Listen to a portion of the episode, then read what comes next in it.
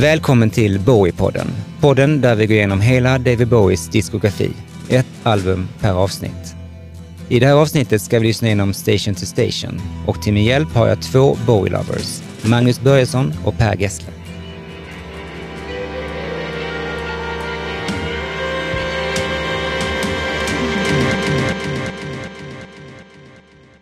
Station to Station är Bowies tionde album och kom i januari 1976.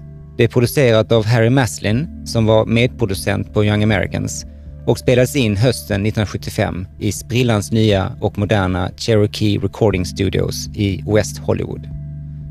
Kanske var det framgången med listettan Fame, sista låten som spelades in till Young Americans, som gjorde att Bowie valde just Maslin som producent och att han fortsatte med samma musiker, det vill säga Carlos Alma på gitarr, George Murray på bas och Dennis Davis på trummor.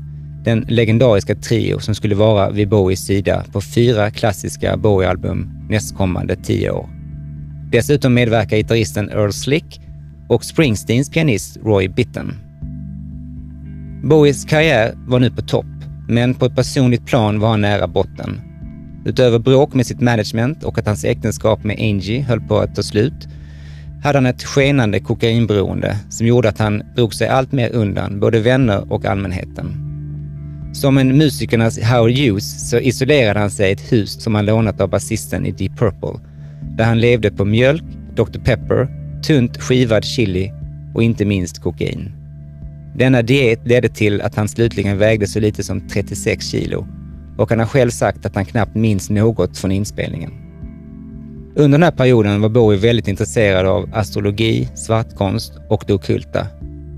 Karaktären som han skapade utifrån dessa nya intressen kallade han för The Thin White Duke och det skulle bli hans mörkaste och även hans sista. Man kan se Station to Station som en övergång mellan den amerikanska soulen och funken på Young Americans och den mer europeiska elektroniska musiken som Bowie snart skulle utforska i Berlin. Plattan innehåller endast sex låtar, varav en är en cover. Men de flesta är å andra sidan närmare sex minuter långa. Liksom på Young Americans kom Bowie in med låtidéer snarare än färdiga låtar och lät bandet testa sig fram. Tempot i studion var galet. En omtalad inspelningssession påbörjades sju på morgonen och varade över 26 timmar. Då fick man byta studio eftersom en annan artist var inbokad. Skivan fick överlag bra kritik och i England så pikade den på plats nummer fem. I USA nådde den till plats nummer tre, som var den högsta placeringen fram till The Next Day 2013. 1976 lyssnade man på Destroyer med Kiss, Hotel California med The Eagles, Desire med Bob Dylan, Hegira med Joni Mitchell, Presence med Led Zeppelin, också Ramones självbetitlade debutalbum. På bio såg man Carrie, Maratonmannen, Alla presidentens män, Rocky och inte minst Taxi Driver. Världshändelser värda att nämna är att eh, Apple grundades, Fidel Castro blev president på Kuba, Concorde flög för första gången, VHS introducerades, U2 bildades, pensionsåldern i Sverige sänktes från 67 år till 65 och kung Carl Gustav och Silvia gifte sig.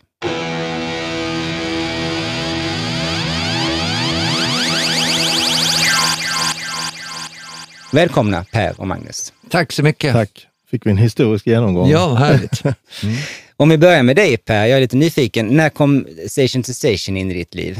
Eh, ja, det var ju så fort den kom ut eh, då, eh, i början på 76. Jag, var ju, jag har alltid lyssnat mycket på David Bowie och eh, följde honom. Jag var, jag var faktiskt på Station to Station-turnén eh, på Skandinavium. Ja, ja. Och jag kommer ihåg att vi åkte dit ett helt gäng och hade på oss platåskor. För det tyckte vi var passande. Ja. Men, det, men det var lite besvikna när David Bowie kom in på scenen och såg ut som Frank Sinatra. och så var det den här rätt läskiga filmen han visade innan, eh, Un chien andalou, Mm. Louis Buñuel-film. Med ögat? Ja, han skar upp ett, ett grisöga i närbild. Men det var en fantastisk konsert. Ja, det kan jag tänka Han, mig. han var ju magisk. Ja.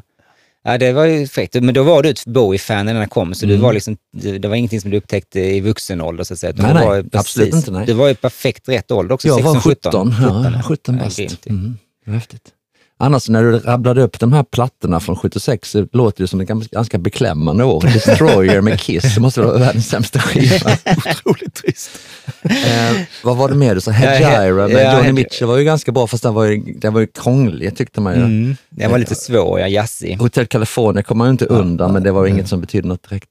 Och så Presence med Led Zeppelin är inte heller en Nej. favorit. Jag köpte ju, eh, ända sedan jag var typ eh, 11-12 Mm. så köpte jag varje vecka New Musical Express och Melody Maker. Det var mitt, mitt, och ibland köpte jag Goal som handlar om engelsk fotboll.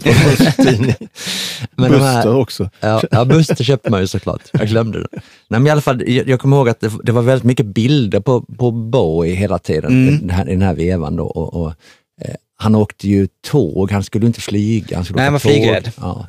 Och det var mycket, mycket, sen i efterhand har man ju hört allt det här som du sa med att han eh, höll på med i Los Angeles med att han frös in sitt urin i, hade. Mm. liksom kylskåp fyllda med urin. Varför kan man undra, men det var väl någon ritual han skulle gå igenom. Och persiennerna var alltid stängda och Ja. eh, det verkar ha varit en ganska mm, jobbig tid. Ja, eller en bra PR-kampanj. Man blir inte kanske. solbränd i Los Angeles om man lever på det sättet. Nej, det är verkligen inte. Och Men inte det känns som man får ta det lite med en nypa salt. Liksom Allt han säger, det det ena gången är det si, andra gången är det så. Ja. Jag har varit inne på det också, att hela den här mytbildningen kring hur dekadent han levde och hur långt ner i träsket han var, präglar lite, när jag då upptäckte skivan långt efteråt, så känns det som att kan jag ta bort det från musiken? Det ligger hela tiden där Ja, det som en slags eh, undertext till alltihopa. Och det, ibland skulle jag vilja inte veta det faktiskt, bara lyssna. Men den är lite sådär eh, detached på något vis, skivan. Mm. Den är liksom, när man lyssnar på den, så, den är liksom lite, har ett litet Avstånd, avstånd, på något vis. Mm. Va? Det har den Jag, faktiskt. jag tyckte det var så svårt, för det, den är, det, det är väldigt komplexa texter och, och det fanns inga texter på omslaget Nej. och det fanns inget internet, vad jag vet i alla fall Nej, 1976. det var, Eh, så man, man, man fattar ju inte den här, eh, allt, alla de här konstiga grejerna han hänvisar till, Mm. framförallt i titellåten. Ja, precis. Förstår man ju inte. Och det förstår man ju en, en, även nu när man läser det är nästan obegripligt. Jag har läst igenom det hundra gånger och försökt, det är liksom efter Nej, halva kom- nej. Men det, det, man behöver ju ha Wikipedia tillgängligt när man ska hänga med och Ja. knappt ens det. Nej, men det är liksom, man, man tapp, det svalnar liksom efter ett par rader när man läser om det där. Man, ah. Det finns en bok som heter Bowie Books, jag vet inte om du känner till Nej. den? Det, det är en, det, de hundra böckerna som David, David Bowie samlade i böcker. Ja, ja. Han, han, det, det, är alltså en bok om de Ah, om, hundra böckerna Jaha, som var okej. mest inflytelserika i hans liv. Och det är väldigt mycket sådana här grejer som Mm. han hänvisar till i texter och sånt där. Han läste ju väldigt faktiskt. mycket eh, alltid i princip. Han var en riktigt bokmål och var väldigt beläst. Överhuvudtaget så är han ju lite av en renässansmänniska. Han hade koll på mycket av de här begreppen och att han nu fördjupade sig så mycket just i Los Angeles under den här tiden i det kulta, det svartkonst och sånt. Det är, jag tycker inte att det kanske är så intressant att, eh, att gräva ner sig i varför han gjorde det. Jag tycker bara det känns helt logiskt. Att han grävde ner sig i det vid något tillfälle. Och även hans fascination för Hitler och så som har blivit så omtalat. Jag känner lite att det har blivit en liten storm i ett vattenglas. För att det är väl klart att man vid något tillfälle är intresserad av de krafterna. Speciellt som en super, man kallar ju Hitler för den första rockstjärnan. Och det kanske inte är så PK att säga, men jag fattar vad han menar. Även om nu uttryckte sig lite Men var inte det klumpigt. också lite, var lite som, precis som uh, Sid Vicious hade nazibind. Alltså det var ju ett sätt, det, det enklaste sättet i England att provocera vid den tiden nästan. Ja. Att, att verkligen få... Alltså, Absolut. Det finns ju ett, ett PR-element i allt det här, det måste Ja. man ju komma ihåg. Alltså jag var knappt född när den här skivan kom, men jag har förstått i efterhand att vid den här tiden så var det ju strömningar, som du säger, med Sex Pistols som började rita swastikas, men även i Pasolini som gjorde Salo och, Mm. och sånt. Man, man började ju på något vis göra upp lite med det som hade Jo. hänt. Mm. Det var ju alla mod, så att säga, att vara Nej, det är klart att då allt det hade ju varit så, efter kriget så var ju det så närvarande. Det fanns ju med hela tiden. Och, Men det känns väl också som att 70-talet, man tänker sig efter liksom Woodstock och Summer of Love, och allt Mm. det där, så är ju, är ju 70-talet i sig en häxkittel av allt möjligt. Ja. Om man tittar på, på liksom både, som du sa, Pasolini och böcker och musik och Mm. mode och allting. Det är ju det är ju en djävulsk röra av allting. ja, det, det är rörigt. Det är liksom estetiken för 70-talet är att det är rörigt. Det är Och det som är grejen. Och det känns som att han var lite i stormens öga. Jag läste någon eh, som skrev att han var som en, eh, en filmrulle som exponeras för för mycket ljus. Alltså så att han var bara tagit in alla intryck Mm. samtidigt. Han var liksom så extremt receptiv. Allt det här snacket om drogmissbruket och drog Eh, att han var så, framförallt kokain då som var hans favoritgrej. Det verkar inte som att han var intresserad av heroin. Då hade han kanske inte överlevt om han hade gått in lika hårt för det. Men jag, jag känner också att han kändes ju inte som att han tog det för att festa och svina och hålla på, utan han var ju extremt produktiv. Han, Det verkar som att han hade det mer som ett bränsle för att orka. Eh, Han ville göra musik, han ville göra skulpturer, han ville läsa, han ville skriva, han, ville, han hade alltid tusen idéer på gång.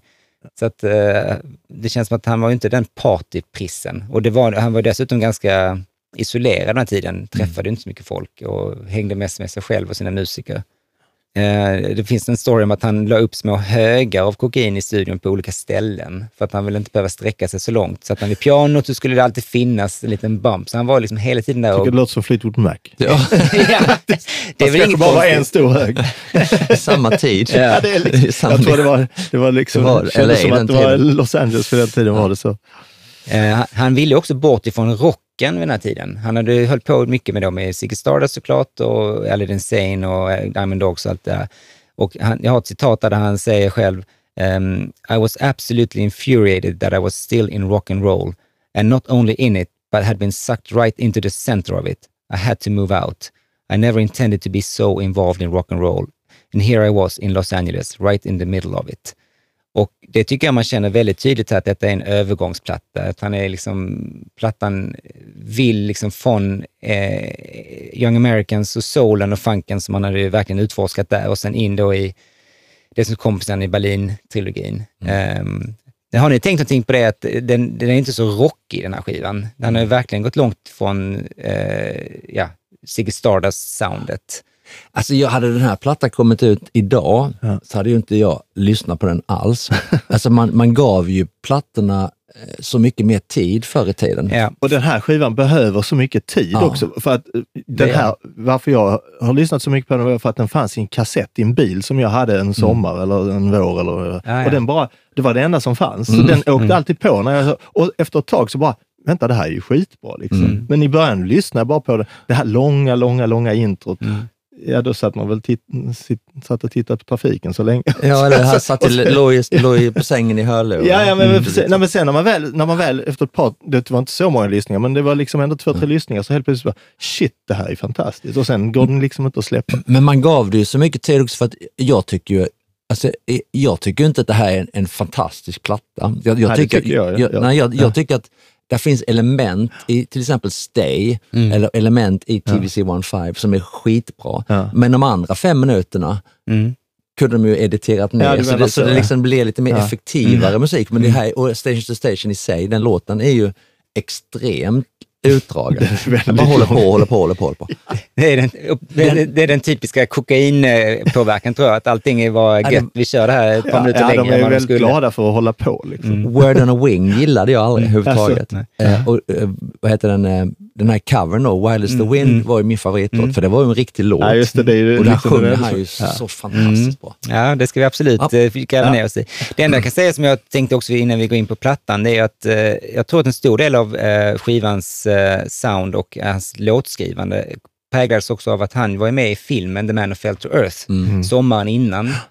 Och jag tror att han var också, egentligen ville han göra musiken till den. Han skrev en hel del musik. Han hade gjort en hel del, vad Ja. jag förstod det som, och, och blev superförbannad när han inte han... Ja. När de, eh, Använd inte det. när, ja, de sa först, vi kanske kan ha någon annan med också. Vad fan, ni fattar ingenting. Mm. Alltså det var kul att höra vad det var han hade skapat för någonting till den, men det, det, vad jag vet så har det inte släppts. Men det blev ju John Phillips istället, från Mammas and Pappa, som fick göra soundtracket Ja, just det. till filmen. Ah, det visste inte jag. Eh, och jag, har väl, eh, jag, jag hade faktiskt inte sett den filmen. Jag gav den en chans nu eh, inför det här, för jag tänkte att den skulle ge mig någonting, men jag pallade fan inte. Alltså. Nej, nej. För den karaktären i den filmen, Newton som han heter, den, den stannade kvar hos honom i flera år. Han kommer tillbaka till honom på ett eller annat sätt genom åren. Ehm, jag tror att den spelade, präglade honom väldigt mycket på något vis. Den här känslan av att vara en utomjording som kommer ner då till, till all civilisationen och ska försöka leta efter vatten är väl storylinen, men den är lite lös. Ehm, men eh, det, det är som helst, soundet i alla fall, tänker jag på det han skapade till den filmen, tror jag sen han tog vidare, som sagt, på Low. Och det är ju klart, omslaget är ju en stillbild från filmen. Ja, just det, precis. Men han får ju världens bästa kompband här i det, på denna skivan. Ja. Börjar ju världens bästa kompband. Som ju liksom på något sätt så extremt underskattade eller oomtalade. Mm. Jag såg en intervju med George eh, Murray Och liksom, alltså, varför, de frågar varför har du inte intervjuats? Du inte? Ja, det är ingen som frågar. Nej. Men även Harry Maslin, Mm. med tanke på att han har producerat två plattor. Han, han, jag vet, det enda jag vet av honom är att han gjorde Air Supply. Nej, Som jag är ett ganska inte till honom egentligen. band. Men, men också så Mm. att han har liksom aldrig... Nej, verkligen. För det är ändå två, två väldigt speciella plattor, här, både verkligen. Young Americans och Ja. den här. Och då kan man ju också säga att Young Americans är ju mycket Visconti, eh, som, jag- som jag tror styrde och ställde. Sen så att inte han fick komma tillbaka här, det grävde jag lite i, men det var rent eh, schemamässigt. Alltså Bowie var otålig, han ville spela in en skiva och eh, Visconti var inte redo liksom, eller hade inte tid. Annars hade nog säkert han blivit inkallad också, tror jag. Maslin var ju med på Fame, alltså det var ju det var ju inte Visconti. Det är ju den, skiv, den låten som pekar mest fram mot det som sen kommer här. Ju. Så att, eh, jag, har inte riktigt, jag har inte heller fått grepp om Maslin som producent. Så viktig var han. Liksom. Men för Visconti har ju tydliga avtryck. Han är mer en kille jag kan höra att det är han.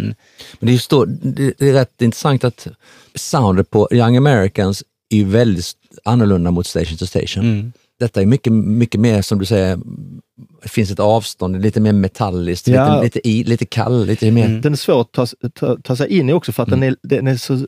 Den torr, torr och ja. dens. Mm. Den är svår att- att komma in innanför. Liksom. Man blir väldigt förvånad. När man, första låten som släpptes var ju Golden Years. Mm. Man blir väldigt förvånad när den kom. Man, Jaså? jag, Ja. jag, man gav den liksom 30 chanser och sen till slut så satt den ja, ja, ja. Men det, var, det är ju in- ingen sån självklar singel direkt. Eller För jag, all, allt liksom, jag var ju slut på 80-talet och sådär, när jag upptäckte den här och började lyssna på den. Och då har man ju en annan Ja, annan, referens. Och det var ju Bowie liksom en annan, det var ju ef- efter Ashes to Ashes. Så då Let's Dance. Ja, det var, var till och med efter det. Ja, just det. Ja, som sista fun fact jag kan säga är att Bowie var ihop med eh, en designer som hette Ola Hudson, som hade en son som senare blev berömd som Slash. Mm. Så att Ja, eh, Bowie har minnen av att han brukar natta lilla Slash Mm. när eh, han skulle gå och lägga lilla Slash. Saul Hudson heter han väl, tror jag, egentligen. Ta på dig hatten och gå och lägg dig.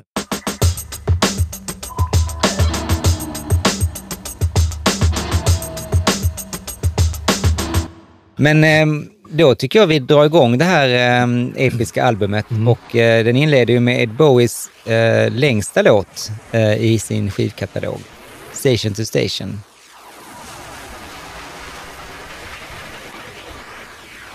kommer det. Fasat tåg.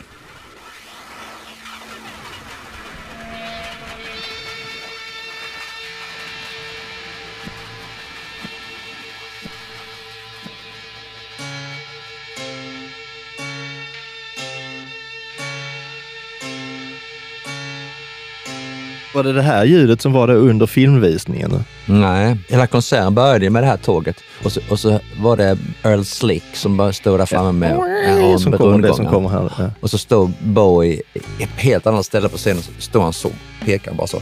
The return. Shit alltså. Fantastiskt. Jag ryser till han är säger Så. Fan vad gött.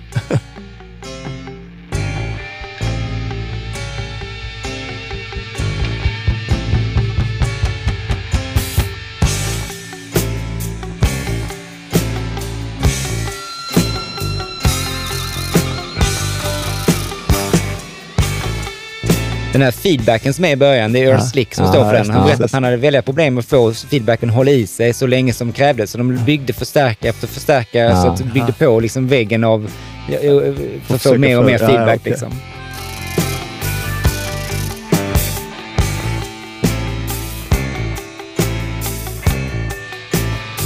Sen skulle man ju vilja att de speedade upp låten lite. Den är lite seg alltså. Den, Men det har väl också med kokain? Ja men då borde det de gå fort. Ja, ja de kanske tycker att de upplever det. Ja, ja. Men den svänger liksom aldrig. Nej, det är, det är ett härligt stift sväng det bandet har överhuvudtaget. Och det här kommer jag ihåg när man lyssnade på det. Bara tänkte, ska Men- han aldrig börja Nej, men känner, känner du inte att man skulle vilja öka 4 bpm? Liksom? lite grann. Nu har tempot gått upp lite. Mm. Det är ju skönt att känna att det är lite snabbare nu. Men du får ju en sån belöning sen när han börjar sjunga. Jaha. Sången kommer inte in efter 3 minuter och 16 sekunder, så det är ett mastigt intro alltså.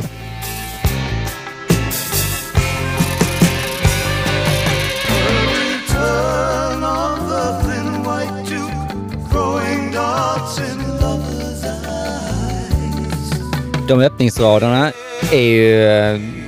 Ja, man får lite gåshud av dem såklart.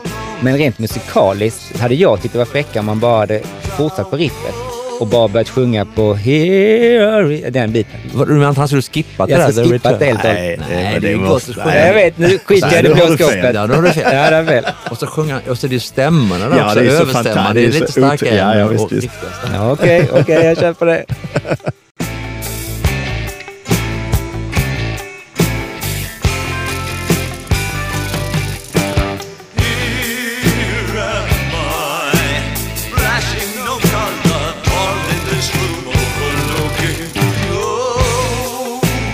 Magnus, vad är detta för instrument du kommer nu? Det där melodika låter så, Melodika. tycker jag. Det låter så tycker jag. Men jag vet inte om det är det. Det, kan Det låter som en sån där man spelar med munnen. Ja, det är melodika. Som du blåser i. Ja. Mm.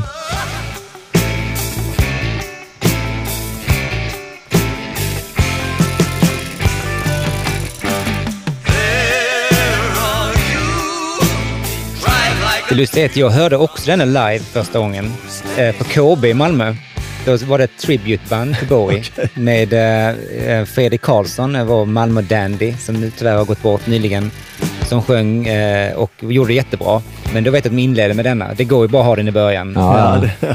Den är en perfekt introlåt.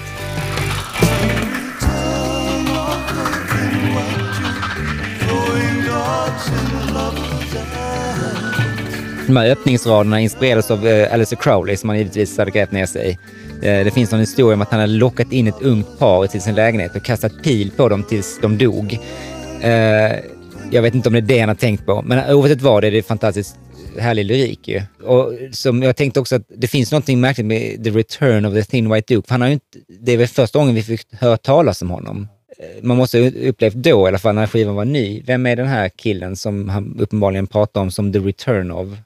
Han har inte varit där innan. Så den, han börjar liksom mitt i storyn. Men det är liksom något, han återkommer alltid till, det är såna, alla de här figurerna som ska liksom nedstiga och återkomma Mm, till någonting mm. och ta, ko- komma ner och förstå något och ta över. Alltså det, Siggy var ju samma sak. Mm, mm. Han skulle Mm. också komma ner och liksom på något sätt frälsa på något sätt. Eller? Men, han- men hans texter, det, han är ju en sån storyteller. Det, fin, det finns ju inte många kärlekstexter i David Bowies Nej. katalog. Jag kommer inte, faktiskt inte på någon. Den här eh, Wild is the Wind som Ja, är på det. sex, Mm. det, det är ju jättefin kärlekstext, men det är ju inte hans. Nej, det är inte hans. Nej, just det. Eh, men annars är, annars är ju all, alla texter, handlar, det är omöjligt att säga vad det Mm. handlar om. Nej, och det här är ju inte en låt heller om man nu ska vara helt ärlig. Jag, jag upplever att det här är liksom hans sätt att knyta ihop många låtidéer som han nog inte riktigt har haft ork eller tålamod att göra till egna låtar. Så att det är ett litet lapptäcke. Då är frågan när det gäller sådana här låtar som har många delar i sig. Jag tänker på Bohemian Rhapsody och ja, Paranoid Android eller uh, Stairway to Heaven eller vad det är. Det handlar ju om skarvarna tycker jag, alltså hur det sitter ihop. Eh, och jag, för att annars vet jag inte hur man skriver en sån här låt riktigt. Jag vet inte, har ni som funderat på att göra en sån här epos någon gång? Liksom att sätta ihop delar Symfoni. i symfoni. ja.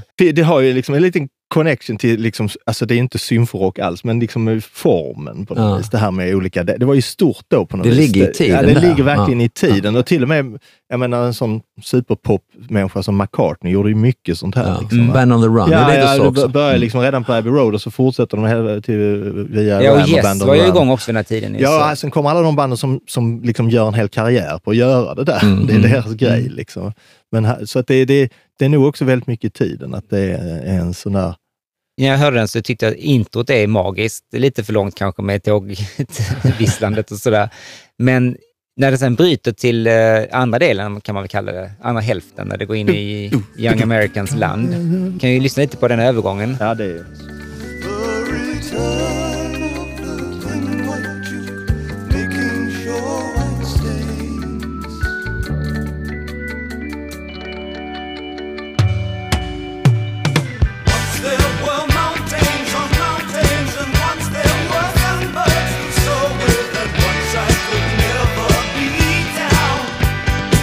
För jag, jag känner att jag är betydligt mer svag för första delen. Alltså, ja. Eh, jag gillar den här delen också, Ja. absolut. Men jag tycker inte det, jag har lite svårt för den här övergången. Jag tycker inte det skarven är så snygg. Jag tycker det känns så tydligt att det är två låtar det. det Jag tycker det är asbra. jag tycker jag är. Det finns Och inget när, fel. och när de går in i liksom, det här, liksom, lite- det blir lite för proggigt, nästan lite Jethro Tulligt här. När det är du, du, du, du.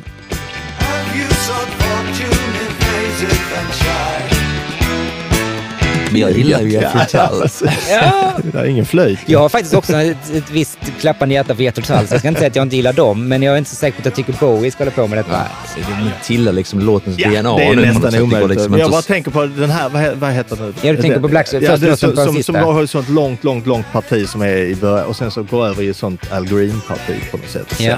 Det är väl den som gör det. Jag tänkte också på att jämföra lite med Blackstar, för att det är ju två låtar som inleder två skivor som är nästan 10 minuter. Det roliga är att Blackstar var egentligen över 10 minuter, men de fick klippa ner den till 9.57 för att... ju- Ett eh, föredöme. Nej, för att iTunes eh, kunde inte ta emot singlar som var över 10 minuter. Ah, Och då var han så här, nej, den, då, då gör vi någon liten edit på det, så blir det bra.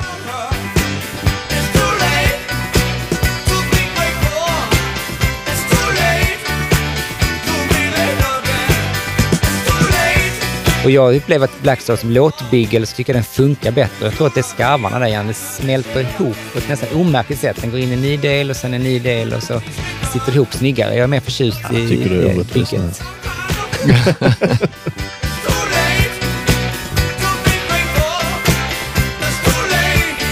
Jag tycker det här är souligt, Mm. det här partiet på något sätt. to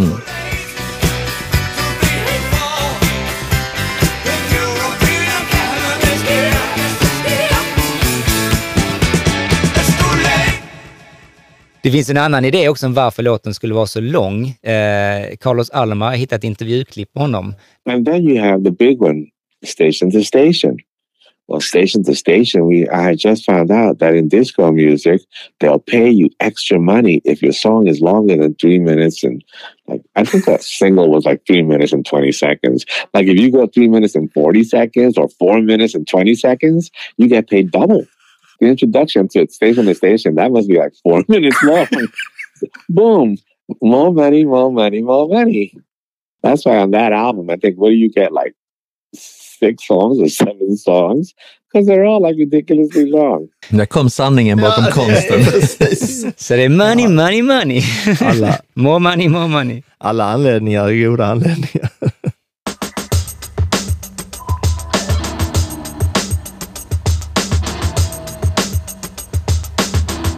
Alltså det finns ju otroligt mycket att bena ut textmässigt. Eh, vi behöver inte göra varenda rad för rad, för det är nästan för mycket. Men det är några grejer som jag, tycker är lite kul ändå och eh, intressant. Han lånade till exempel från Shakespeare eh, i Stormen, så such is the stuff from where eh, dreams are woven, sjunger han i någon del.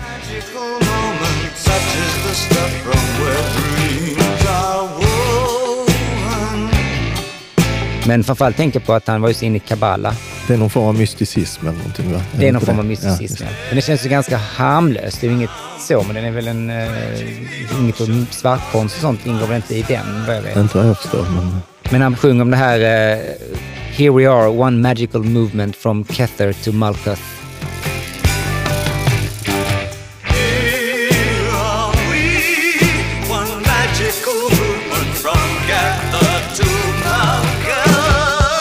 Och den hade jag ju haft svårt att sätta utan internet. Jag kan tänka mig att Mm. du Per hade svårt att höra vad fan han sa. Nej, jag är of- ofattbart. Jag, jag har slått upp det också på internet, men jag har, har glömt det. Ja, det är en referens till ett Tree of Life tydligen då, som, som bygger i kabbala-religionen, där, där um, Malkuth är den lägsta grenen och eh, den fysiska världen representerar den då helt enkelt. En slags plattform kan man säga som allt annat vilar på. Och så ehm, eh, kan man bara färdas uppåt på The Tree of Life. Till slut så når man då Kether som är kronan.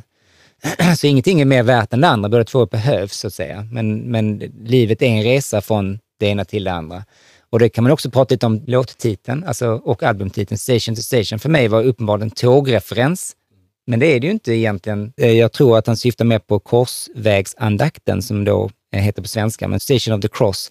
Den, det är en slags pilgrimsfärd då på 14 stopp som kristna kan gå för att minnas Jesus sista vandring med korset från domen till döden. Och då tycker jag någonstans att det passar bättre in, för jag ser den här skivan väldigt mycket som en resa, hans station to station. Alltså att han tar sig, han, han är ju inte dummare att han inser att det han håller på med kommer inte funka. Han är på väg från mörkret till ljuset. Men eh, någonstans är det lite förvillande också att de då inleder med tågljud, så att det finns säkert en, det kan vara både och. Det, det, jag har alltid tänkt att det är, en, att det är hans, liksom, han är på väg. Ja. Men som från A till B eller från A till F. Ja. Mm. Och då, det, det är ju jä- jättehärligt och enkelt och effektivt att illustrera det med tåg. Ja. Ja. Alltså, det är på samma sätt som, eller med en båt eller alltså Mm. ett fordon, eh, även om det är ett mental resa. Liksom. Men han gör väl som han Mm. alltid gör, att han, han har liksom många teman på gång samtidigt som, som, har, som har någon form av overlap. Det kan vara lite som, eh, ja, men som ett drömspel eller något sånt. Det är bara saker och ting bara håller på och bara f- fortgår. Liksom. Men det är ju lite det som är, det är, lite det som är magin med pop och rockmusik överhuvudtaget. Det är ju att, att man kan tolka in så himla mycket i texter som eh, någon har skrivit och helt plötsligt så tycker man att han berättar om det och han Ja, berättar om det eller hon berättar om just. det. Och, det- i, och ibland kan man tycka att det där handlar ju om mig. Det gör det ju inte såklart, men man tolkar det så. Det är ju det som, det är det som är kraften med det här.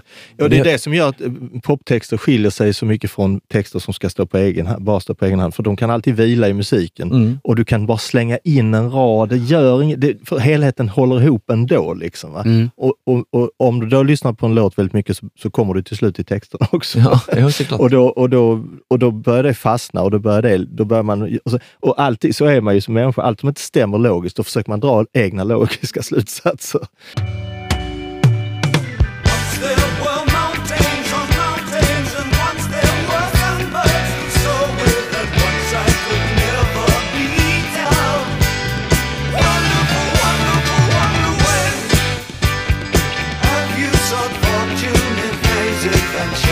Förutom då att han är så väldigt, eh, vad ska man säga, bildlig och eh, har eh, poetiska beskrivningar så går han nu en ganska rakt på sak också när han sjunger It's not the side effects of the cocaine.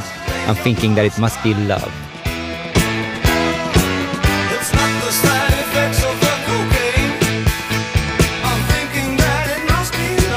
Det, är en av de, det var en av de raderna som man hajade till på först. Det var liksom det. Ah, Ja. Nu förstod jag. Ja. fan. Ja, jag skulle nästan säga att jag håller inte med för det här är ju liksom the side effects of the cocaine. Hela här låten är ju det liksom. Så det, ja, det är kul.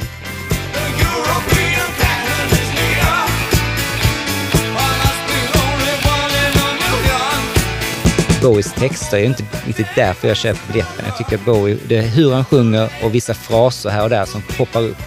Men eh, jag, jag har aldrig suttit och lusläst hans texter och fått ut så mycket av det. Eh, de några, är svåra, det är svårt att förstå. Jag tycker att de, är- de, är, de fungerar verkligen.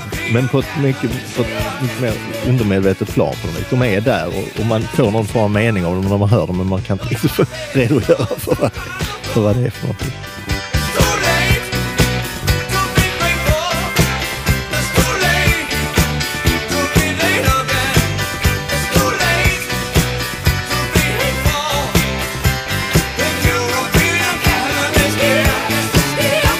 Alltså då är frågan, är det, jag verkar på dig Magnus, för dig är detta en, eh, både plattan men också låten. Den är liksom en eh, riktig klassiker, favorit. För det verkar ju vara en av hans mest ansedda mästerverk. Alltså, alla verkar vara överens. Så jag gick lite in i den att nu ska jag också tycka det.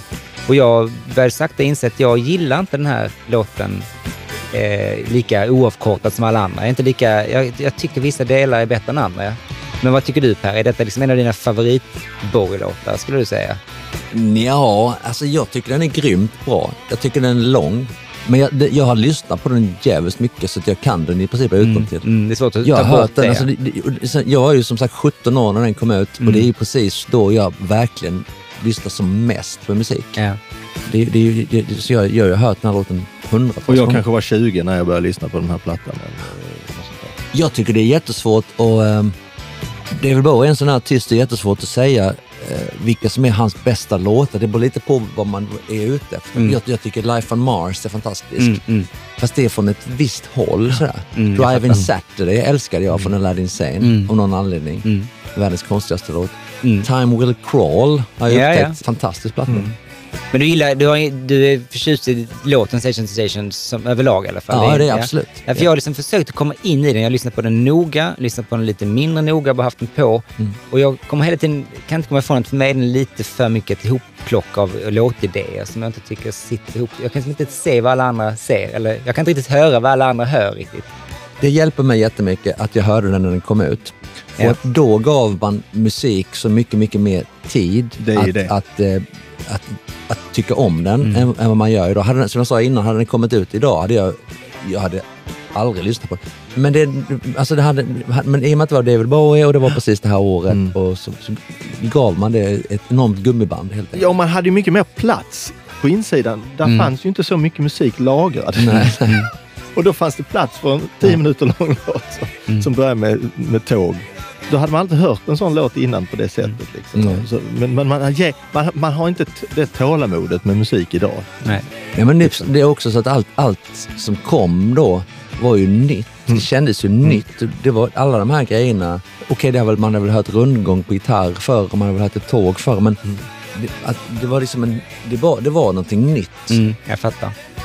Det som hände på den tiden, det- det- jag kommer ihåg när man hörde stereo för första gången riktigt. Alltså Mm. riktigt i hörlurar. Liksom. Det var ju fantastiskt att få uppleva det. Det, det, var, det, det var ju som när det blev färg-tv. Ja, ja, men det, är liksom, det är en, en ny dimension. Ja. Och det är det ju också. Vi lever inte i en sån tid längre. Idag är det sånt enormt utbud av allt.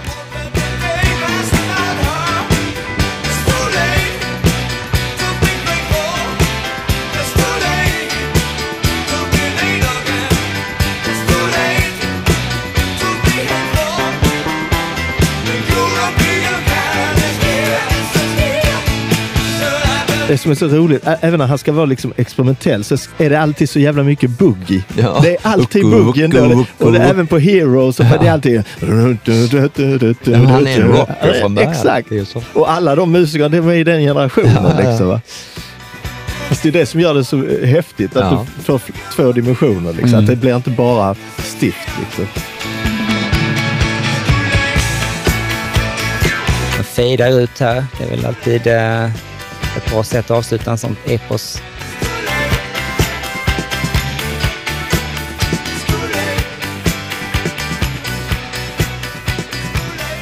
Det lustiga är att jag har ju alltid varit svag för hans mer eh, udda grejer. Alltså på hans plattor överlag har jag alltid varit svagast för liksom de, de lite mer skruvade grejerna och de mer hittiga singlarna, de mer catchy grejerna har kanske inte jag gått igång på lika mycket. Men på den här skivan är det lite tvärtom.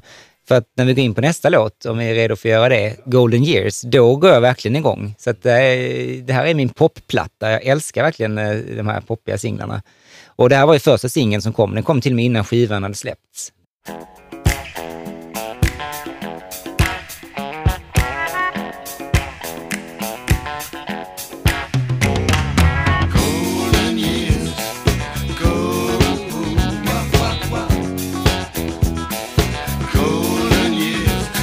Spontant när man hör det här nu Ja. så tycker man att det är ganska härligt att höra ett liveband Ja. spela eh, funk och soul på det här sättet. För det, det finns liksom inte Nej. längre. Idag är ju allting fixat. Ja.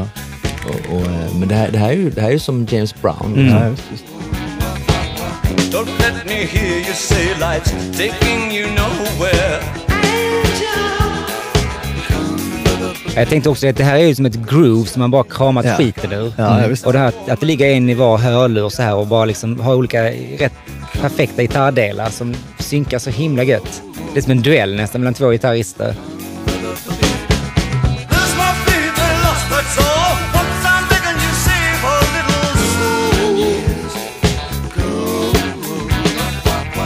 Men det är också det vi pratar om 70-talet. Det här- Allting är lite messy och får lov att vara lite messy. Liksom.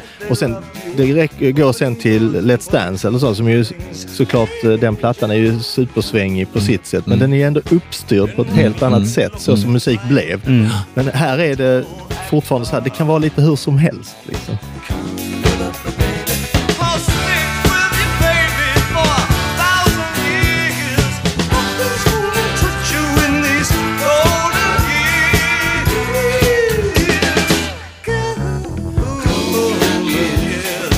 Har ju Elvis-eko på här. Det var ingen torrt här inte. Nej, men han skrev den till, han ville skriva, han skrev den till, Skrev han ja, inte? han ville, det var tanken, men Elvis ville inte göra den. Jag kan inte höra Elvis göra den faktiskt. Det har du rätt i Magnus, att det- han hade den i åtanke att Elvis kanske skulle intresserad av att göra den. Ja, just det. Och skickade den också vidare till hans management eller något sånt. Men jag fick, vad jag vet spelade aldrig ens ett ja eller nej. Jag tror inte ens att eh, eh, Colonel Parker tog den vidare. Men jag kan höra det med Elvis alltså. Jag tyckte det var ganska coolt. Don't let me hear you say life's taking you nowhere. Ja, för här hör man ju lite det som han sen tar vidare på Berlinplattan. Men här, alltså han har ett sånt jäkla svängigt band ju. Och så liksom, utan dem hade det inte funkat. Nej, nej. nej.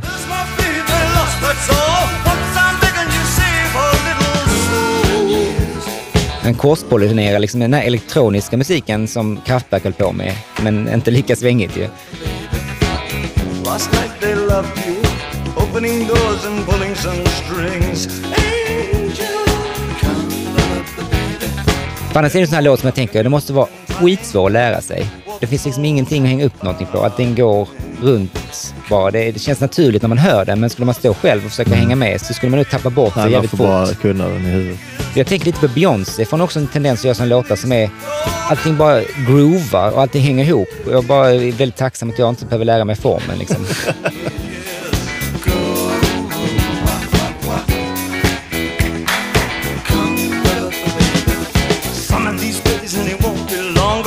Back down where you once belonged. In the back of a dream car, 20 foot long. Inspirationen till den här ska tydligen ha kommit från en låt som heter Happy Years of the Diamonds. Men det finns också en låt som heter The Funky Broadway of the Blazers. Men jag tror snarare att eh, Carlos Alomar hade nog mer rätt när han menar att eh, den kom till när Bowie ville göra någonting i stil med On Broadway. Eh, och det kan man nästan höra när man väl eh, hör det så hör man det så att säga. Han sjunger även On Broadway på Aladdin Sane. I slutet i outrot, precis i låten Aladdin Sane, så sjunger han den Just låten. det. Så att han hade nog den lite på huvudet. Ah, okay. You know, Golden Years was like uh, he he wanted to, you know this song called uh, on Broadway. Still let me hear you say love's taking me. It's the same as they say the neon lights are right on Broadway. Same chord changes, so we changed it up a little bit. They say the neon lights are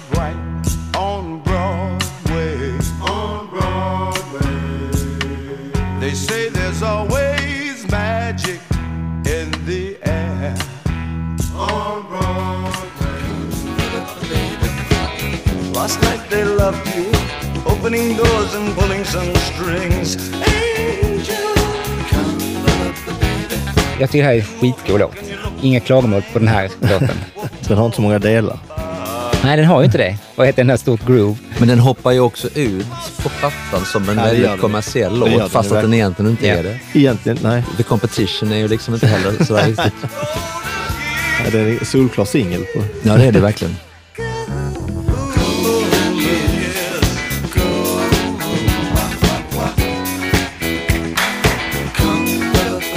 Hans barndomsvän Geoff McCormack är med här på och spelar en rätt så stor roll. För att Bowie fick något problem med rösten. Han fick någon röståkomma så att han har lite svårt att sätta vissa av körerna. Så att han hoppar in här och sjunger väldigt mycket. Som man tror är Bowie i körerna är faktiskt Geoff som hoppar in. Och även han som kom med förslaget att sjunga det här Run for the shadows. Den biten är hans idé. for the shadows, run for the shadows, run for the shadows Det låter så väldigt mycket som Bowie som sjunger Run for the shadows där. Det är inte han Nej, alltså. enligt vad jag har förstått så ska det vara Jeff McCormack. Eh, Jag har försökt lyssna lite, lura och se vad som är vad, men jag, de, deras röster sitter ihop Jag har så aldrig tänkt på jäkla att det bra. skulle vara någon annan än Bowie som... For the shadows, run for the shadows, run for the shadows, run for the shadows, Men nu hör man att det inte är han ju. shadows in these golden years. Shadows, run for the shadows, run for the shadows in these golden years. There's my baby lost, that's all. Once I'm begging save a little golden years. Alltså han sätter ju sången i en enda tagning Ja. tydligen. Eh, och eh, var väl bara liksom superinspirerad. Some of these days and it won't be long. Gonna drive back down where you once belonged In the back of a dream car 20 foot long. Don't cry my sweet, don't break my heart. Doing alright but we gotta get smart. Wish upon wish upon day upon day. I believe, oh Lord, I believe all the way. Och sen den här biten också. I'll stick with you baby for a thousand years Nothing's gonna touch you in these golden years Golden years Snyggt. Den tar vi. Mm. vi Eh, när han sjunger live, han sjunger ju klockrent. Alltid, Fantastiskt. Alltså jag har aldrig hört honom sjunga en sur ton. Nej, det konstiga med denna låten är att han spelar inte denna live från 1983. Nej. Och Jag undrar om det kan vara någonting med tonarten, någonting som gör att han, den är svår kanske. Men eh, det är bara att sänka den tänker jag, så jag förstår inte vad problemet var. Ja, fast det är mycket falsett. Ja, det, Mm, det, ja. det kräver Ja. säkert sin, eh. Men, han är, men det vet jag ju Ken Scott sa det eh, också när de höll på. Det var ju nästan alltid första tagningen. Ja. Nej, så det varit på alla hans plattor Ja. nästan. Aldrig, aldrig. Han var så otålig också, han hade inte tid att sitta och mecka. Liksom. Och han förväntade sig också det av sina musiker, vilket var ett problem ju. Mm. När någon inte satte det så blev man lite, ah, okej, en gång till, men sen var det, ja, då går vi vidare. Liksom. Ja, visst, visst.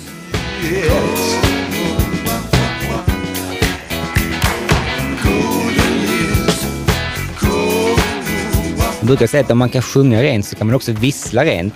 Eh, och det är han ju, om det är nu han som visslar vet jag inte, men det här är bara perfekt.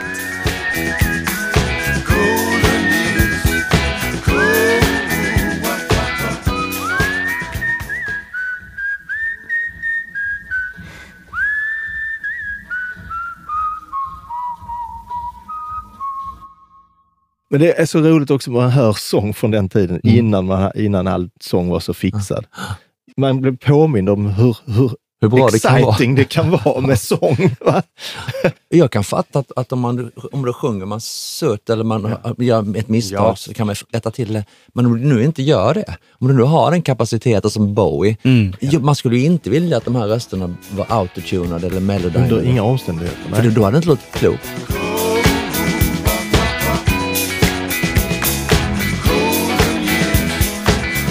Det här är, tycker jag, Dennis Davis kommer fram på trummor. Ja, han, ja, är ju sånt, han är ju duktig. Alltså, han spelar ju underbart på hela skivan, men eh, här är han ju i sitt esse.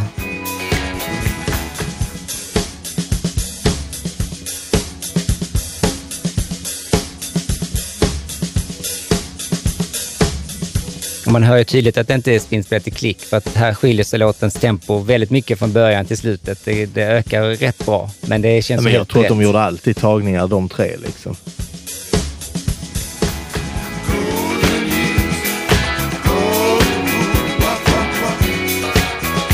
Otroligt svängigt Mm, faktiskt. det är jättebra. Han får jobbet. Ja, han tar det. Han tar vi.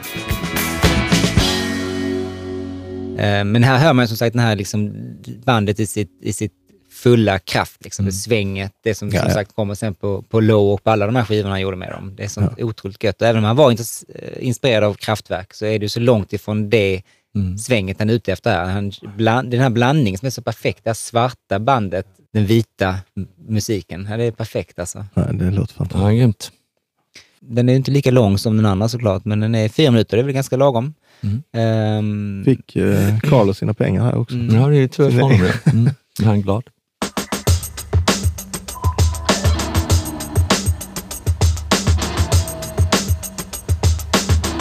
Sen ska man ju snacka lite om vad den handlar om. Jag har inte grävt ner mig så mycket i den här texten, men, men eh, det finns de som har menat att antingen handlar det om Angie Bowie eller om hans eh, Ava Cherry som var hans flickvän vid den här tidpunkten. Körsångerska också på eh, Young Americans. Två kvinnor som han faktiskt var på väg att lämna båda två vid det här tillfället, så att jag vet inte om det säger någonting. Ehm, men som sagt, han själv menar att han skrev det med Elvis i åtanke. Jag vet inte riktigt. Jag tror inte den handlar om något speciellt. Nej, jag, jag tror inte... Alltså, det är också den där grejen vi pratade lite om innan, att folk tolkar in så himla mycket. Ja. Oj, det här är en skilsmässolåt. Angie Nej. med Stones handlar Ja, om ja, Angie precis. Bowie. Ja, ja, precis. Ja. Nej, jag håller med. Nej, jag det tror också- låter rätt skönt. att Sjunga Angie, ska- det kanske räcker Ja. med det. Mm. Och jag tror att det, det, det är ofta så att liksom folk, det, det blir något, det blir klart, Ja. det blir färdigt. Ja. Det, det, nu, nu kan vi gå vidare. Ja. Det är liksom stor motivation ofta för... Jag tror att den här låten kom till väldigt snabbt Mm. överhuvudtaget. Så jag tror inte det fanns någon, jag tror man skrev ihop någon text och så körde han. ja. Liksom. Men då är vi redan framme vid eh, sista låten på sida A som heter Word on a Wing.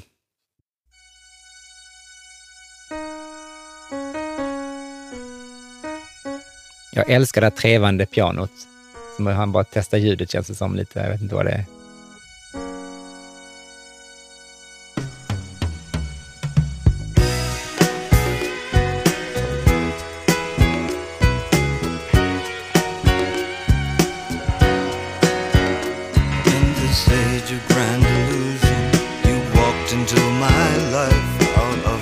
Jag är väldigt förtjust i när Bowie sjunger det här låga registret. Jag tycker det är så otroligt härligt.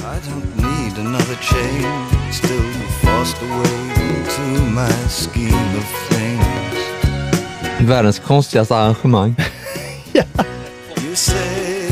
Growing, Jag har aldrig gillat den här låten, så det är kanske är därför jag sitter och dissar. Jag hoppar alltid över den. Alltså, okej. Jag, jag har aldrig gillat melodi, jag har aldrig gillat, jag har aldrig Alltså, gillat låtkonstruktionen. Alltså okay. hamisarna. Nej. så. Men eh, hindrar inte att han sjunger fantastiskt. Nej, det får man ju säga. Jag gillar den rätt mycket faktiskt, men jag insåg att det är en låt jag bara skulle gilla om det var Bowie som gjorde den. Hade det varit någon annan artist hade jag bara tyckt den var för smörig.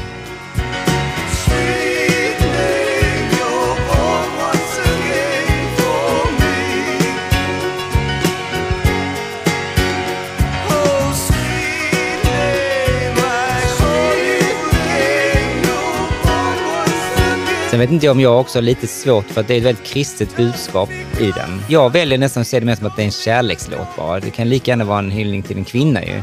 Men eh, konsensus verkar vara om man liksom läser om låten att eh, det, han vänder sig mot kristendomen här lite, eller mot religion i övrigt, jag vet inte. Men han har själv aldrig egentligen varit uttalat kristen ju. Men Dylan hade också en period när han plötsligt var lite kri- småkristen ju på Det var mer Slow Train Coming. säga. Det var mycket mer uttalat ja. För jag, precis, jag köper liksom inte att han är en övertygad kristen här. Så jag, eh, Ja, det, tänker inte. Men han sjunger ju också “Just because I believe don't mean I don't think as well. Don't have to question everything in heaven or hell”.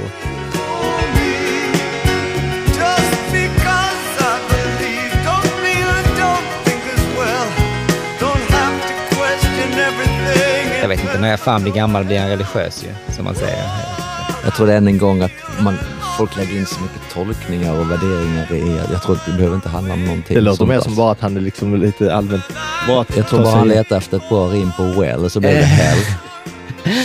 Han sa, jag tar ett citat från honom själv när han uttalade sig om den. Uh, I had never been so near an abyss of total abandonment. When they say that one felt like a shell, an empty shell, I can really understand that. I felt totally, absolutely alone. And I probably was alone because I pretty much had abandoned God. Och sen säger han 1980, det är ju rätt några år senare, there was a point when I very nearly got suckered into that narrow sort of looking, finding the cross as the salvation of mankind. Så att han medger väl lite att han hade väl åtminstone öppnat upp tanken på att det skulle kunna finnas räddning hos Gud, men ganska snabbt insett att nej, det var inte för mig. Fast han hade ju ett kors eh, som en em, halsband genom hela sin karriär. Men ja, som sagt, han, han har aldrig egentligen eh, gått ut som offentligt Jag har aldrig kristen. tänkt på honom som en... en, en Religiös kille. nej, inte så. Ja, eller liksom en väl- väldigt andlig ki- eller så, men inte, men inte en uttalat religiös människa så. Liksom. Nej, mer intellektuell Ja, typ. liksom. ja, precis. Ja. Sökare. ja, liksom. men så, ja, precis. Ja. Nej, och jag är själv eh, absolut inte eh, som en övertygad ateist. Jag har liksom svårt när det blir så här kristna budskap i en text, men jag, jag väljer att bortse från det. Jag gillar låten mer än vad du gör Per, men jag, jag tror som sagt att jag gör det jag, jag, jag lyssnar med väldigt snälla öron för att jag vill ju gilla Bowie. Liksom. Men jag tycker det är mycket det att han sjunger så fruktansvärt bra på den. ja. Och, eh, Liksom, han kan göra de där superteatrala grejerna och att, och att det inte bara blir löjligt. För det blir li, lite löjligt och, och lite gött samtidigt.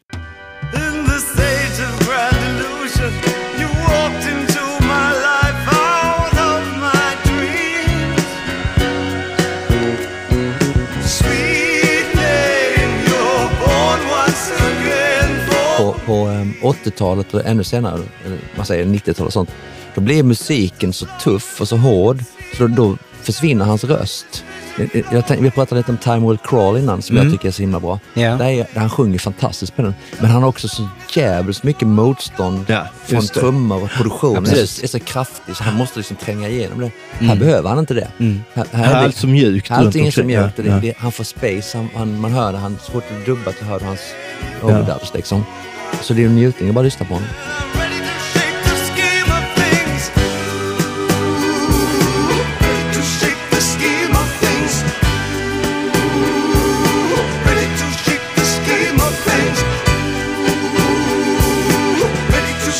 Det är lite lustigt med trumkompet, tänker jag, på, på veven. Så liksom gör någon sån här dubbelslag som jag tycker är ett märkligt val av, av Dennis. Har ni tänkt på det?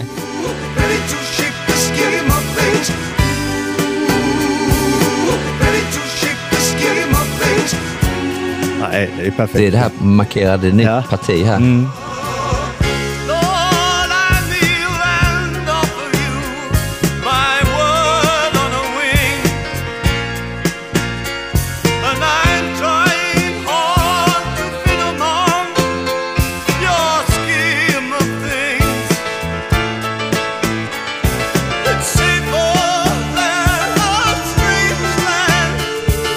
Den här delen som kommer här, det här är nog det enda låten som jag har lite svårt för. Det är när han går in på den här så kallade refrängen.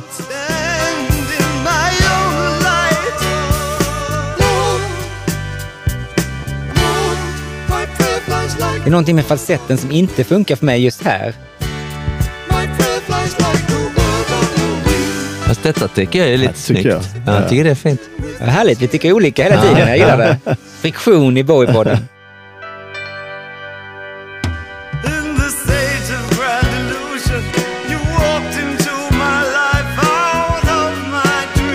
Det finns ju, för flera av Bowies låtar så kan man om man vill höra lite Springsteen. Och här är ju Springsteens pianist med och har en rätt framträdande roll, Roy Bittan. Men jag tycker även att låten som, som, som, som komposition känns lite Springsteen-aktig. Jag är inte så kunnig på Springsteen så jag vet inte om jag har fel. Känner ni något sånt eller? Jag har aldrig tänkt på det Nej. faktiskt. Men Bowie spelade in Springsteen-låtar. Gjorde han heter hängde ju ett tag eh, också tillsammans, så jag förstår. Hard to be a saint in the city. Det är- Just det, de hade en period när de var i, två olika eh, i samma studio med två olika eh, sessions. Ja.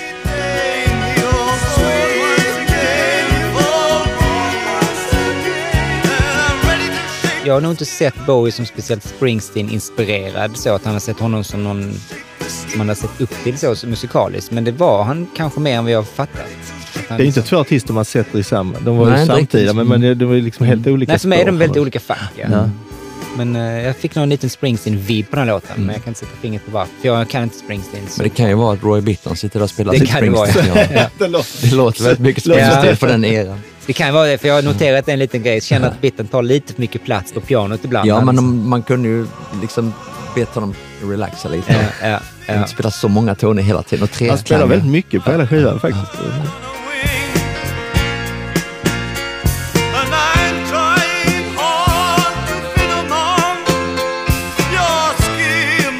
Jag lekte med tanken också på att hur skulle det vara om Garson var med på den här skivan? Så att... Eh, Ja, det hade inte varit mindre då. nej, det hade inte varit mindre. Nej, det... Ja, det blev lite mer, lite mer teatraliskt. Han passar inte riktigt in, Mike i detta. Eh, Jag, jag kan bara tänka att den enda anledningen till att Garson inte fick äran att vara med här kan vara att han hade börjat med scientologi vid det här tillfället. Men jag vet inte om det kan vara en del av det. Så Bowie kanske inte pallar med det. De var sökare uppenbarligen allihopa.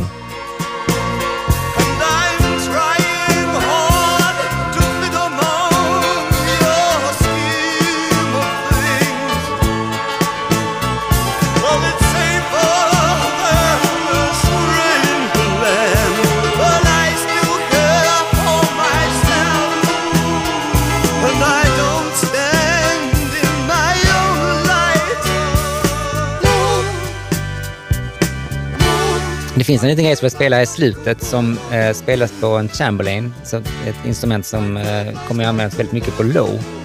Eh, som är precis i output.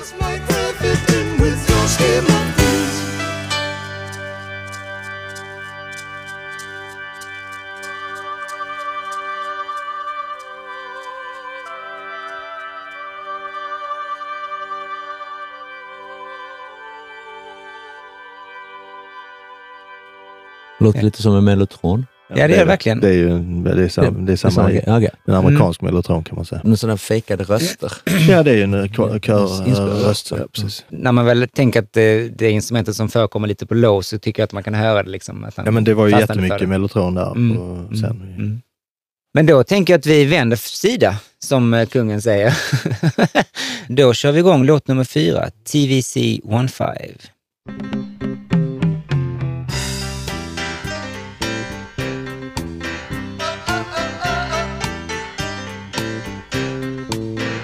Det var ju denna låten som Roy Bittan bjöds in att spela på. Så att, eh, det var egentligen bara tänkt att vara denna. Och sen blev han ju kvar och spelade på alla låtar utom Wild is the Wind. Aha, okej. Bitten hade precis spelat in Born to Run och Bowie nämnde då att han ville ha någon som kunde spela som eh, Professor Longhair och eh, frågade om Bitten kände till honom. Och lustigt nog hade Bitten sett honom live nyligen och hade stenkoll.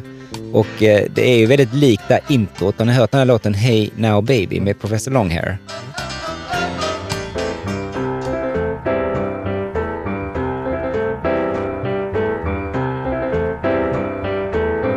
Det är misstänkt likt i, st- i stilen liksom.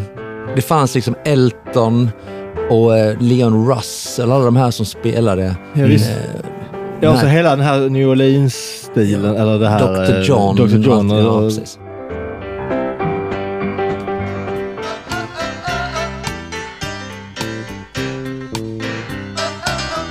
Men även det här oh, oh, oh, oh, det hittade jag på en eh, låt med eh, The Yardbirds. Det finns en version de gjorde av Good Morning Little Schoolgirl, den här gamla bluesdängan, Mm. som är direkt också lånat.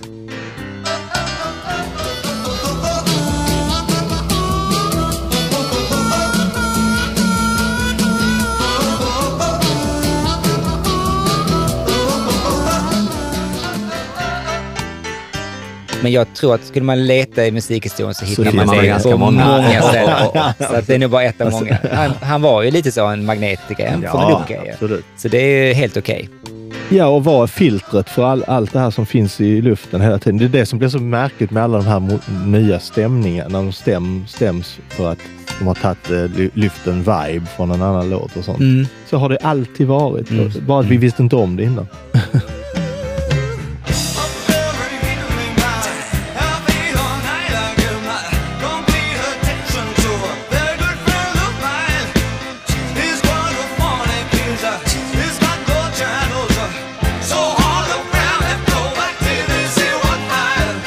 men det är liksom lite början till, som du säger, till de eh, Low och Heroes och dem. Mm. Men då låter alla ljud mycket mer trasiga. Så här låter det fortfarande sådär. Det är många som spelar, men all, varenda ljud är ändå lite sådär pristine. Mm.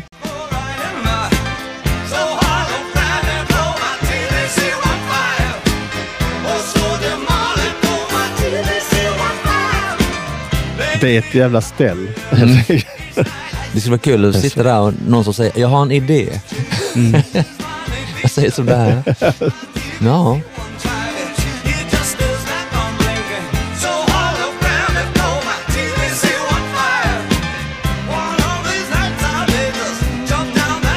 Jag tycker den här är en sån härlig kaotisk ljudbild som jag verkligen älskar. Än en gång liksom de poppigare låtarna på skivan och jag, eh, liksom, nu går min nål upp i det röda liksom. Jag tycker det här är så jäkla gött. här hör man ju lite det som komma skall sen med, med Robert Fripp och det. Ja, ja, visst. Det här Ja. kaoset, Ja. gitarrkaos. Det finns liksom inga grundtoner längre. Nej, det, det är en låt som försöker ta sig igenom Ja. ett kaos Ja. och Ja. försöker tala om här är jag. Liksom. Men, men det, det bara spelas överallt. Och det, Det låter lite det, som det en sån här, eh, eh, vad heter det, testbild på tv faktiskt emellanåt. Det, det, det låter som den ser ut. Ja, just det. Precis.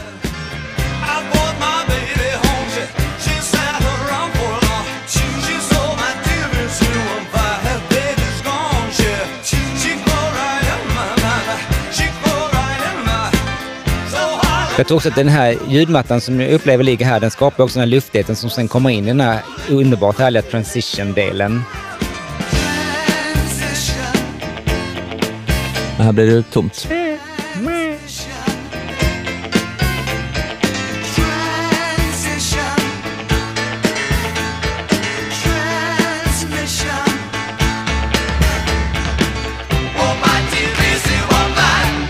Och det här är så bra. Men detta är hookigt som fan. Detta är så skitgött. ja. jäkla bra.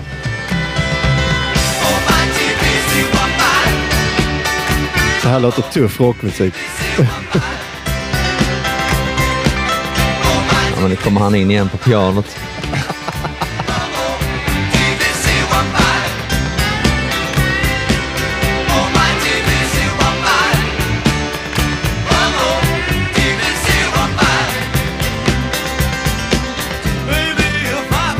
Den är kanske lite lång. Live klipper man i regel bort en vers. Och det då funkar den faktiskt bättre, har jag märkt, de gånger jag kollar på den live.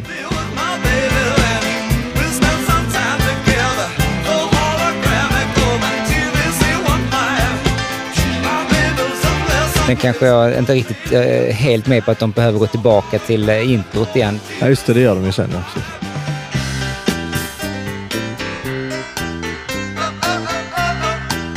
Det blev ju en singel också så småningom här för mig. ja det var det nog. Ja, detta var en singel. Om man hade skippat det här Roy Bittan-introt Mm. så hade det kunnat bli en väldigt effektiv singel. Bort med Roy Bittan. Ja,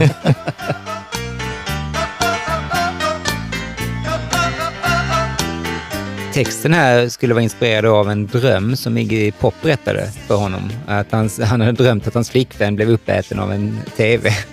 För TVC-15 är tydligen en TV-modell, men eh, ja, mer än så vet jag inte.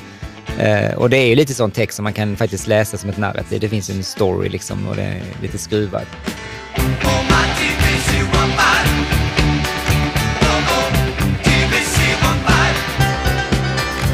ju ingen djup lyrik här inte. Vi är långt ifrån Tree of Life.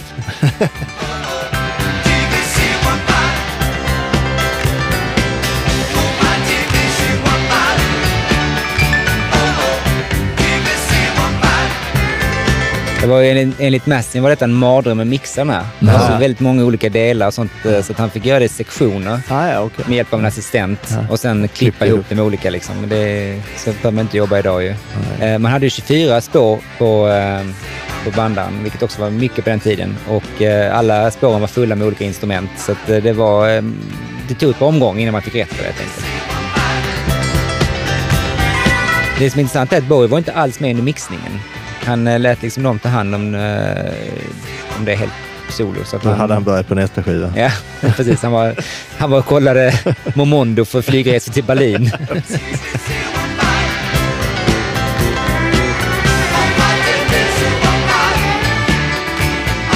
Det här låter ju verkligen som ett jam. Här har de ju tagit en idé och, och vridit och vänt på den på alla sätt de kan och sen tagit de bästa delarna. Och några mindre bra också. och slängt in i kakan liksom. Eh, men annars har jag inte så mycket mer att säga om denna. Jag håller denna som en av mina höjdare på skivan. Mm. Ja. Eh, Den är en av hans klassiker får man säga.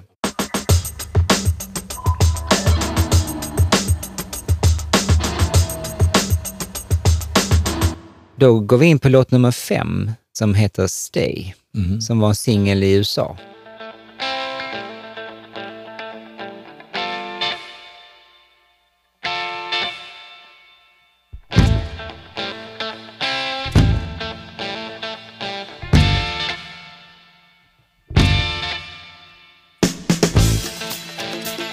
Här är fantastiskt bra. Riffet är enormt bra.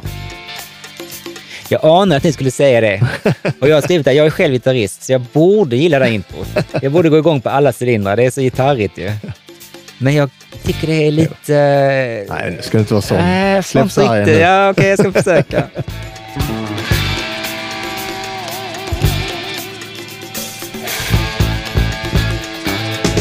Eller jag kände att det kunde vara någonting som eh, John Frusciante kunde kommit på, alltså eh, Red Hot Chili Peppers gitarrist. Alltså, det är liksom ja, den okej. typen Ja, av... Och det är inget fel med, jag älskar hans gitarrspel, men det känns som den typen av funkriff. Ja, det är det.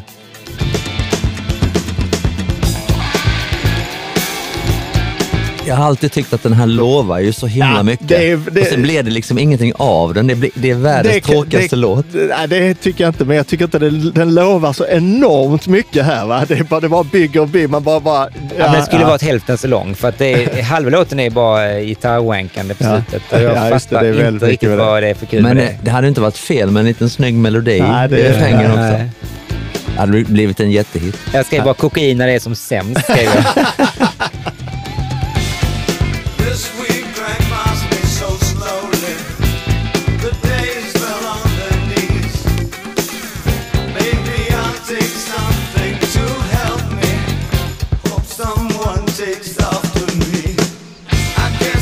Det här är ju egentligen en omarbetning av eh, John Harmony Dancing Again. Ja, just det. Som han eh, aldrig inte släppte på någon skiva. Nej. Men den var med på The Gouster. Det är liksom outtakes kan man säga från Aha. Young Americans.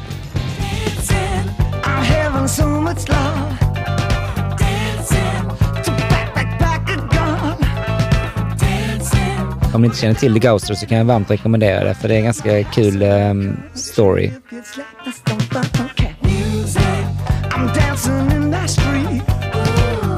Han låter precis som han gjorde på Young American Sessions i sin röst. Ja, sant.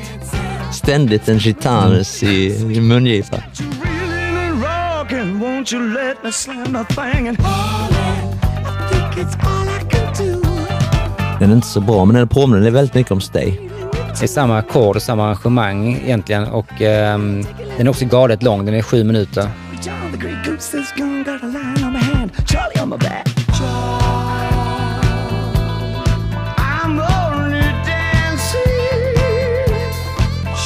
Som jag har förstått det så spelade Bowie eh, liksom den här för Carlos och bad honom arrangera ihop något.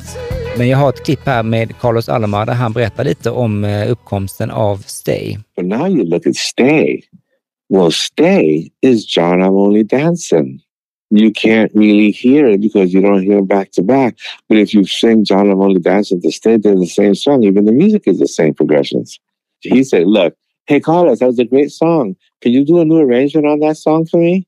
Oh, yeah, sure, David. So I do a new arrangement on a song. He goes and changes the lyrics. He's got his whole new song. Ja, så, så enkelt var det. det är liksom en, eh, skivan har ju bara sex spår och sen en cover och sen en låt som egentligen är en omarbetning av en annan låt. Så, Mm, det är inte bara fyra låtar. Ja, det är lite så. Och även på Berlin-trilogin märker man att han börjar få lite sk- skrivkramp, tror jag faktiskt. Eh, han mer och mer jobbar ju med ljudkollage, eh, ambienta stycken och det var ju för att han ville såklart, men också för att han slapp ju skriva låtar.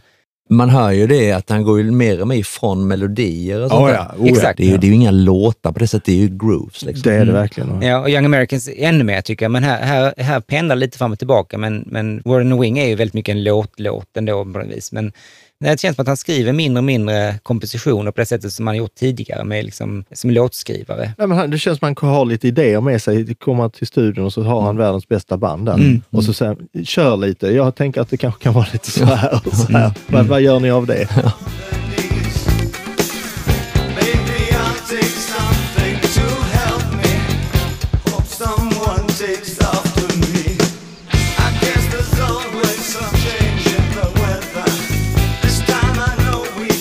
kul också att inför varje refräng så klipper han ju så det blir en Ja, tretakt. time.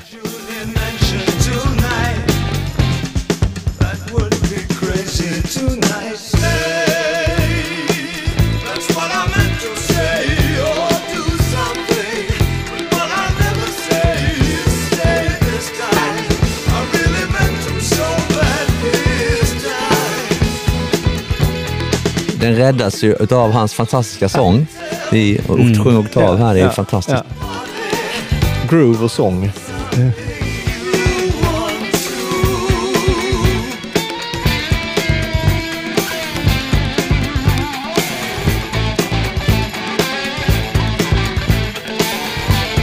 Hade den inte varit så lång så hade jag nog varit snällare mot den.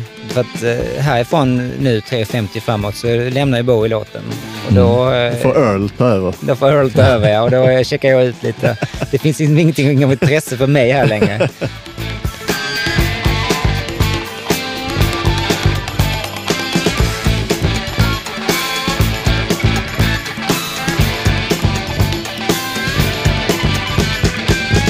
Jag för mig att den var väldigt bra live den här Ja, låten. ja, det kan det säkert ha varit.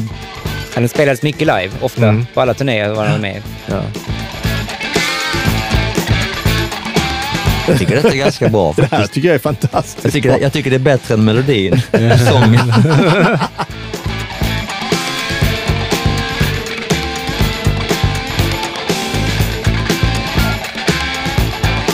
Det låter som de har rätt kul. Det låter som att ha superkul. Fast vi inte startat, startat ett funkband, Magnus. Det, då, så bra det. Och så köper ni lite Dr. Pepper och eh, chilis och... Lite råa ägg.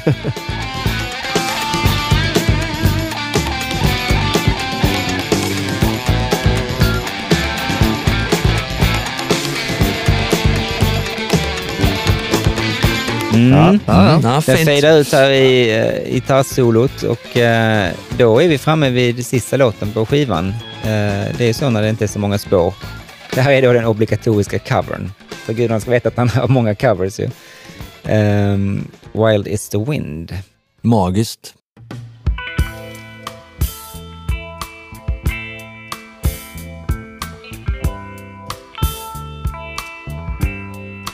Alltså det här soundet följer jag ju för direkt. Det är liksom så mjukt och härligt. Jag tycker det är otroligt fint också med den här akustiska gitarren som kommer in och eh, kompar.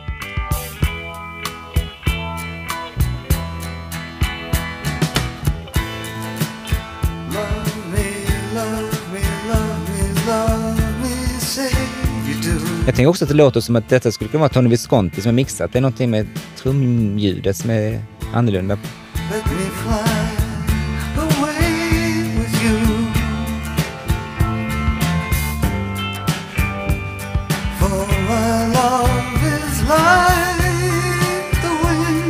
Låter lite som en Bond-låt. Mm.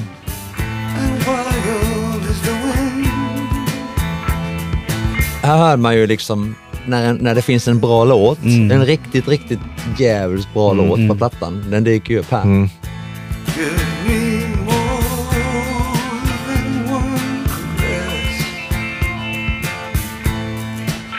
Det här är ju magisk musik faktiskt. Och så sjunger han ju. Ja. Helt, kanske, han- jag har alltid tyckt att det här är nästan hans bästa sånginsats Ja, det är du nog inte ensam om att tycka. Jag läste för flera ställen Alltså, att detta okej. anses vara hans bästa sångprestation. Och han själv tyckte det. Han var extremt nöjd med det här och det ska han vara ju, Ja. med all rätt.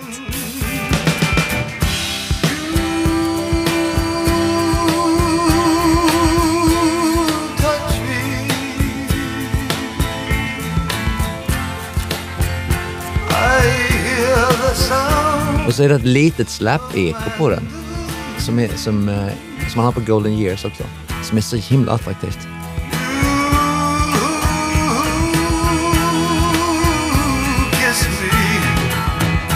Han fick till och med beröm av Frank Sinatra för han kom förbi studion för han höll på att spela in en annan del av, av bygget. Och eh, då fick han höra den här versionen och var väldigt uppskattande tydligen.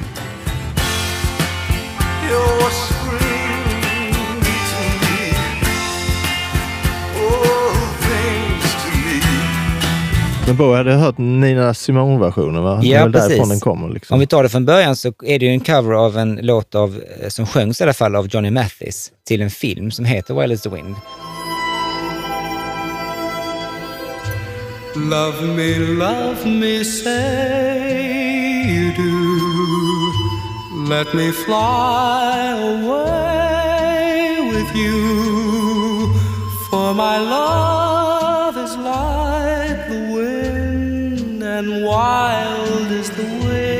Och den här versionen nominerades till en Oscar faktiskt och nådde, nådde till plats 22 på Billboard. Så det var ju lite en hit. Ja, ja.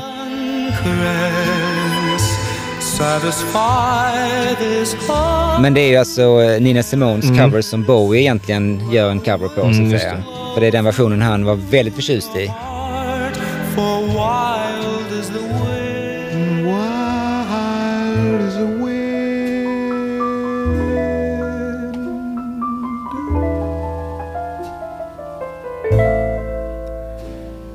Give me more than one caress. Satisfy this hungriness.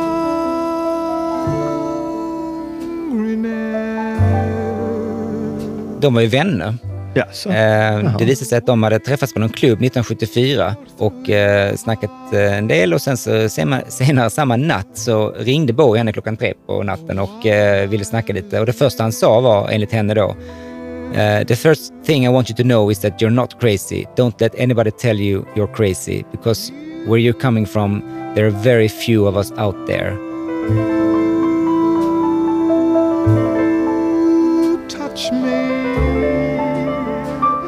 Hon har berättat sen i intervjuer att Bowie inte tyckte att han själv var särskilt begåvad eller särskilt duktig sångare, vilket det känns så jävla konstigt. Eh, han säger till exempel I wasn't a genius but I planned. I wanted to be a rock and roll singer and I just got the right formula. Han var lite självnedlåtande ibland ändå. with your kiss, my love.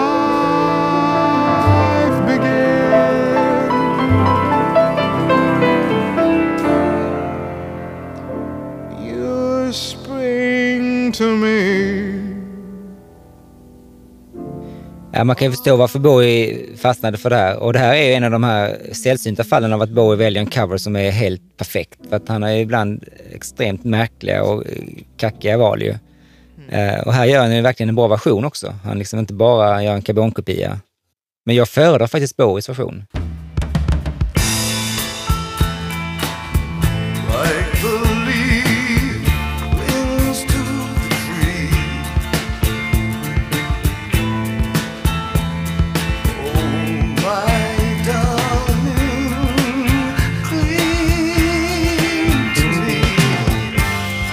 Men det vore intressant att veta varför han väljer känner han själv att han inte har material så räcker en platta? Eller är det, för det, det, det, det, var en, det är ju en ganska udda fågel på plattan. Mm. Men jag, jag läste någon, eller hörde någon intervju med Nile Rodgers om Let's Dance. Han sa att det var inte mycket till låtar som kom upp där heller. Utan det var ju liksom, kan du göra någonting med den här? Ja, så, så kommer de här eko-grejerna på Let's Dance. Precis, ja. och det. Modern Love. Och så det var ju väldigt mycket Ja. Nile Rodgers som... Fast han kanske aldrig har sett sig själv som en låtskrivare på det sättet som, som en Elton John. Nej, eller det så. tror jag inte heller. Eh, För jag tänker på nu, nu det bara slår mig just nu, det, det, det kan ju vara en av skälen till att han gör Pinups-plattan. Mm, absolut. Att han liksom vinner tid Mm, på något sätt. Han, han, han har Ja, inte ja. tid och Mm. han håller på med det här ambitiösa eh, Diamond Dogs, eller som kom ja, efteråt. han va? var ju inne på 1994 där Ja, som det. sen George Orwell, okej. Ja. Jag har tänkt den tanken också, att det var också ett sätt för honom att vinna tid. Ja. Och att skivbolaget ville ju också smida medan järnet var varmt.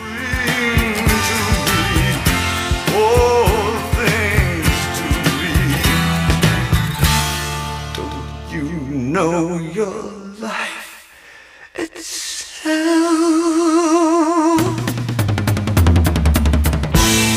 Jag upplever att hela den här plattan är liksom en ganska sökande och lite förvirrad Bowie som ändå lyckas göra någonting som är så sammantaget. Alltså, även om inte skivan kanske har drabbat mig på det sättet som den hade gjort med, om jag hade varit 16-17 när den kom, så är det ju imponerande att han liksom lyckas få ur sig detta i det, i det tillståndet han var i. Visst, till stor del hade han ju grymma musiker och Harry Mastin som styrde upp saker, men han, han var ju ingen strulputt. Han var ju i studion och jobbade och slet. Han var inte ute och rumlade runt som Jim Morrison eller Zeppelin och så. Men han insåg ju någonstans här att han måste ju söka sig ur LA och vidare. Mm. Så det är ju det är en jävla tur att han gjorde det, annars tror jag inte han hade överlevt. Det är ju egentligen otroligt att han gör en sån här skiva när han är så... Om han nu är så borta som han Ja. påstår att han är. Det att han inte ens minns det. Nej. Stora delar minns han inte ens själv. Liksom. Sammanfattningsvis så kan jag väl bara känna att det här är ju hans resa, att han liksom tar sig från eh, det mörkaste mörka liksom upp genom till ljuset. Den, här, den avslutar på den här fantastiska, liksom, positiva, vackra låten. Det är så himla, alltså det är en väldig skillnad från inledningen ju. Mm. Han är ju liksom en, verkligen allmodig-man. Liksom. Mm, verkligen. Eller renässansmänniska. Mm,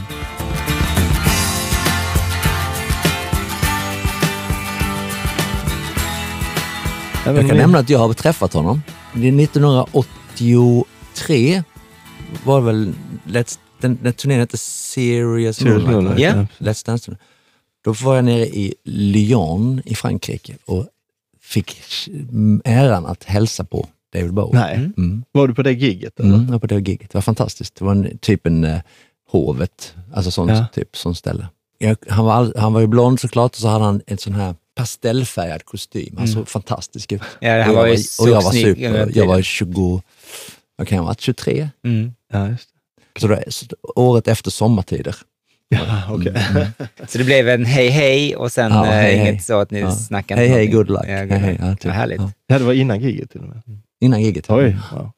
Och, de, och jag vet att de hade, jag, jag var väldigt imponerad för de hade, han hade med sig någon, en, någonting som hette, de kallade det för en environmental manager, en tjej som byggde upp de här ishallarna i, olika de här fula Ja, omklädningsrummen. jag gjorde dem lite gjorde, de, nice. gjorde de till med, Ja, med härligt. dukar och Ja. möbler och grejer, så det var väldigt cozy allting. Så. Nej, men då vill jag bara säga stort tack till dig Magnus och till dig Per för att ni ville bena ut det här eposet. Mm, Jag tack. är så glad för det. Och så vill jag tacka eh, MP som har låtit oss sitta i hans härliga studio Titsenäs här i Halmstad och lånat ut eh, sin utrustning och sin lokal till oss. Tack för mig. Vi hörs snart igen.